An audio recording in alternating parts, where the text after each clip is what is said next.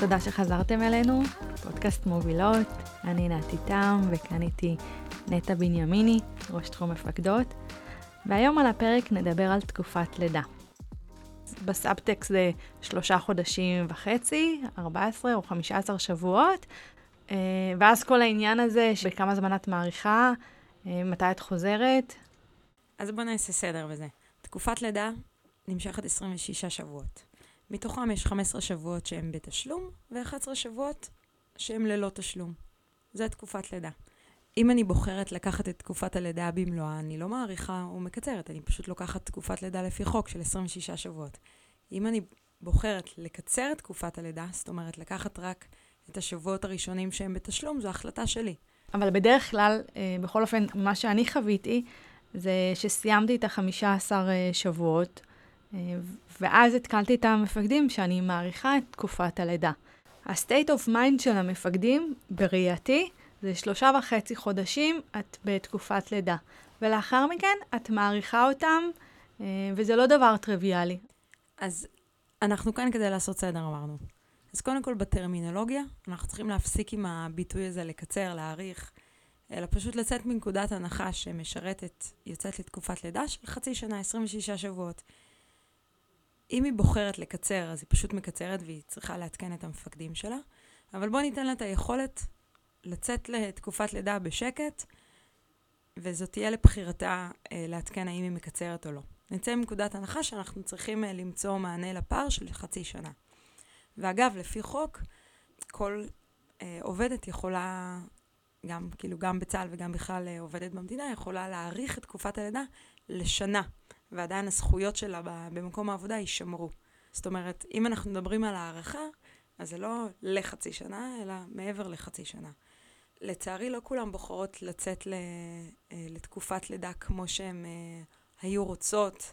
הרבה פעמים, אה, לא רק מהסיבות האישיות של אם אני בוחרת להיות בבית עם שכר או ללא שכר, אלא מהסיבות שפשוט, מה הציפייה?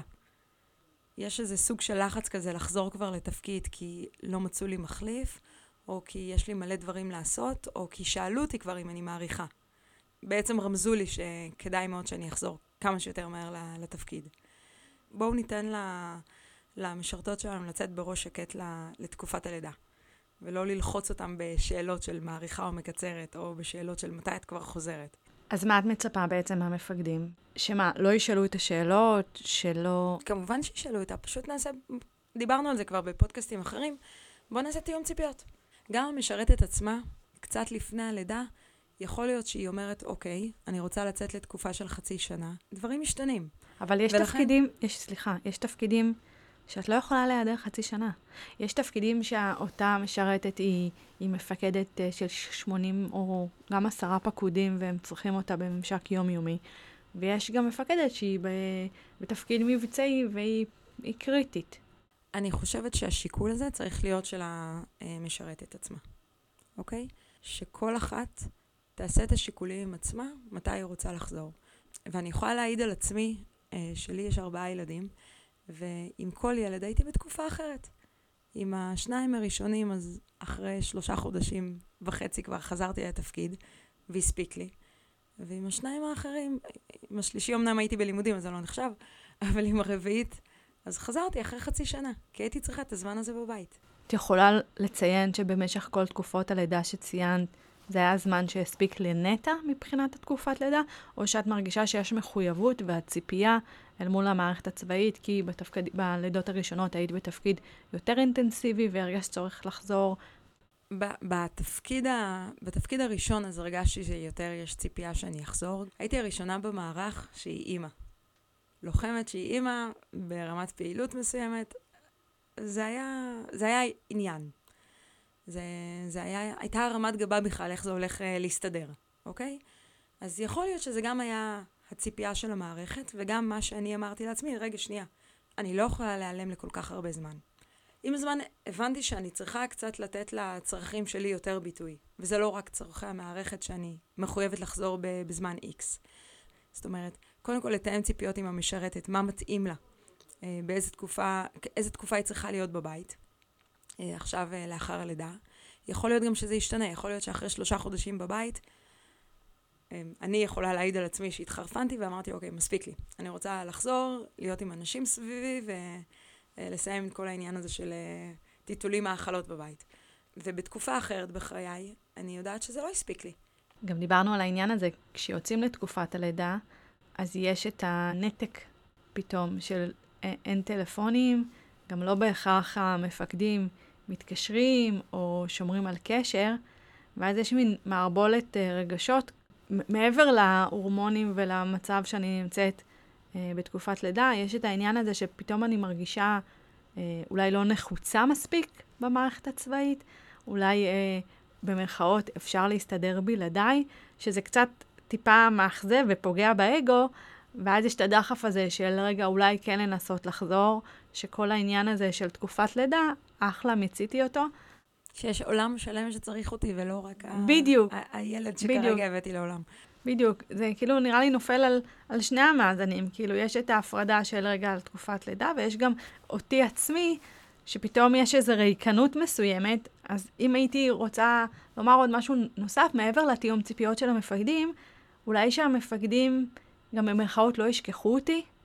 שהמפקדים, גם מבחינתי זה יהיה מהצד שלהם מאוד טכני. לס... ל... לכתוב ביומן אה, ת"ת של אחת לשלושה שבועות, להרים טלפון לנתי, לשאול מה שלומה. זה, זה עושה את ההבדל. זה עושה את ההבדל, זה ממש עושה את ההבדל. כן, דיברנו על זה בפודקאסט עם, אה, עם לירון, שהתראיינה, על אה, יוזמה שלה למדיניות צה"לית, מה מצופה ממפקד לעשות אל מול מישהי שיוצאת לתקופת לידה. אז אפשר להאזין גם לזה. זה כמו כל נושא אחר שדיברנו עליו, זה תיאום ציפיות. זה לא לצאת מנקודת הנחה שאני יודעת מה הכי טוב אה, למי שיוצאת לתקופת לידה, אלא כל אחת לעצמה יודעת מה הכי נכון עבורה, וכדאי שלתאם ציפיות.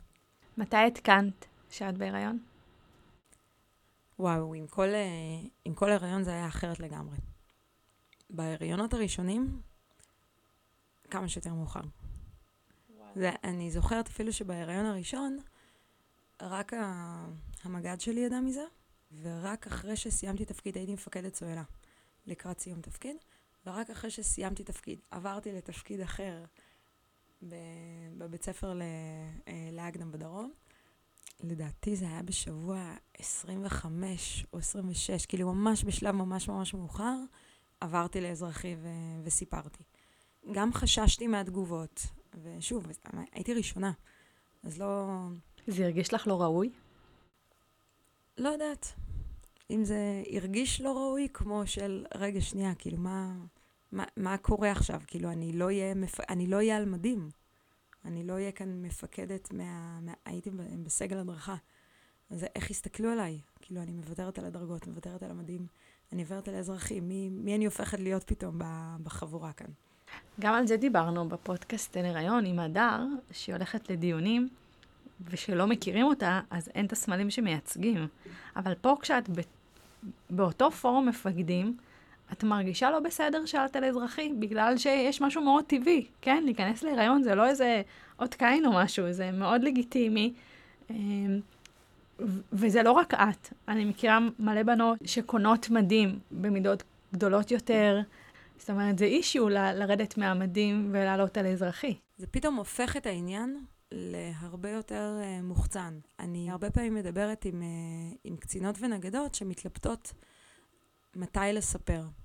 הפקודה uh, אומרת שצריך לספר עד שבוע 23. החובה לספר כשאני נמצאת בתפקיד שאני חשופה לחומרים מסוכנים, שיכולים באמת לסכן את הבריאות שלי. אני מוצאת את עצמי מדברת עם המון קצינות ונגדות שמתקשרות להתייעץ לגבי... מתי לעדכן את, ה, את המפקדים על, uh, על הריון סביב uh, עונות איוש, שהן uh, לקראת דיון איוש, והן מתראיינות לכל מיני תפקידים, והן פשוט חשות לא בנוח. לבוא להתראיין לתפקיד שמתחיל ב, בקיץ, והן יודעות ששנייה אחר כך הן יוצאת לתקופת לידה. הן ממש מרגישות לא בנוח עם זה. עכשיו, מצד אחד, זה, זה לספר ולחשוף את כל, את כל הקלפים. אה, זה חתיכת אירוע. אני מגיעה אליך לתפקיד, אבל שתדע כאילו שאני יוצרת אצלך פארק לחצי שנה, או לא משנה מה התקופה שאני אבחר אה, לא להיות, כבר בתחילת תפקיד. או פשוט להסתיר את זה בצורה שהיא לחלוטין תקינה ו- והגיונית, ולהתעסק רק ב- בעניין של אני באה להתראיין לתפקיד, ואלה היכולות שלי וזה הניסיון שלי. ו- ואנחנו תמיד בדילמה הזאת. אבל אני, אני רוצה רגע להבהיר כאן נקודה. ודיברנו על זה גם uh, באיזשהו uh, פודקאסט לגבי רעיונות לתפקיד בכלל, במה אנחנו, על מה אנחנו שמים את מרכז הכובד. כשאנחנו באים להתראיין לתפקיד, אנחנו באים להתראיין על בסיס הכישורים המקצועיים שלנו, ועל בסיס היכולות שלנו, אה, ומה הניסיון שיש לנו בין אם מקצועי ובין אם פיקודי. אה, עובדת היותנו אימהות ל-X ילדים, עובדת היותנו בהיריון, היא לא משפיעה על התפקיד. היא משפיעה בעניינים הטכניים על תנאי השירות, על, אה, על זה שנידרש למצוא מחליף במידה ובאמת אנחנו מתאימות לתפקיד. קודם כל בואי בואי נמסגר את זה של האם אנחנו מתאימות או לא מתאימות לתפקיד. אנחנו ריאליים. בסוף מפקד שמראיין מעומדת לתפקיד, כשהיא נמצאת uh, בהיריון, הוא יודע שהיא תהווה לו פער חצי שנה. זה משמעותי. אי אפשר להתעלם מזה. זה מה שאנחנו רוצות לחנך אליו. שאנחנו בסוף צריכים להגיע למצב שאנחנו בעולם יותר טוב.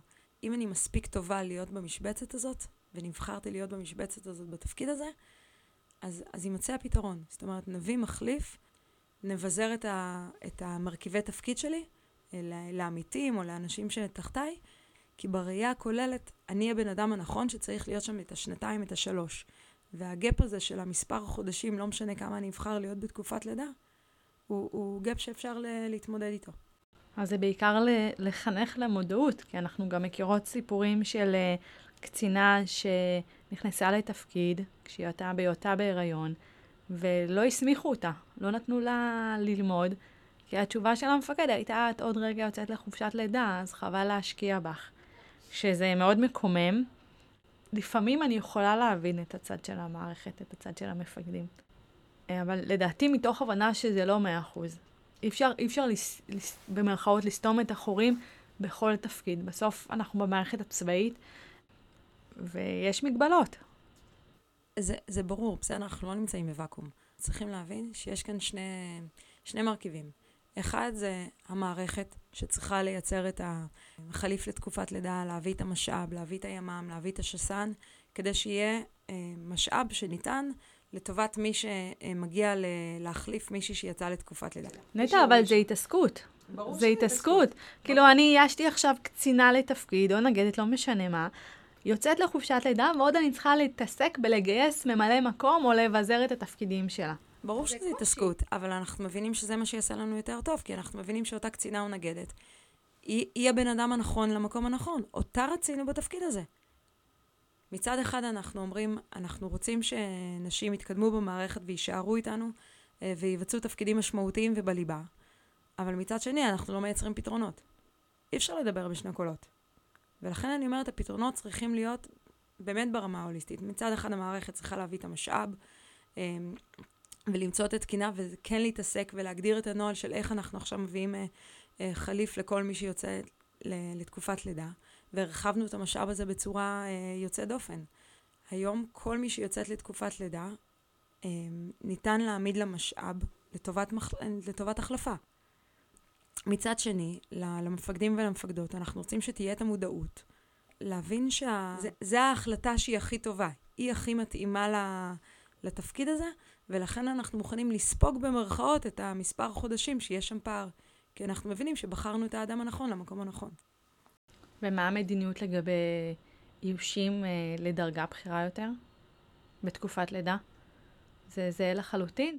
המדיניות היא קודם כל זהה לחלוטין, לא משנה מה, מה דרגתי ובאיזה מערך אני משרתת. חשוב לציין שגם מישהי שנמצאת בתקופת uh, לידה בבית, והיא אמורה עכשיו uh, להתמודד לקראת uh, התפקיד הבא שלה, מחויבים לשתף אותה, לעדכן אותה מה התפקידים שנפתחים, להזמין אותה לראיון, אפשר היום לעשות ראיונות uh, מרחוק בזום, אבל היא לא, היא לא תיפגע uh, מהסיבה שהיא נמצאת בבית עכשיו בתקופת לידה.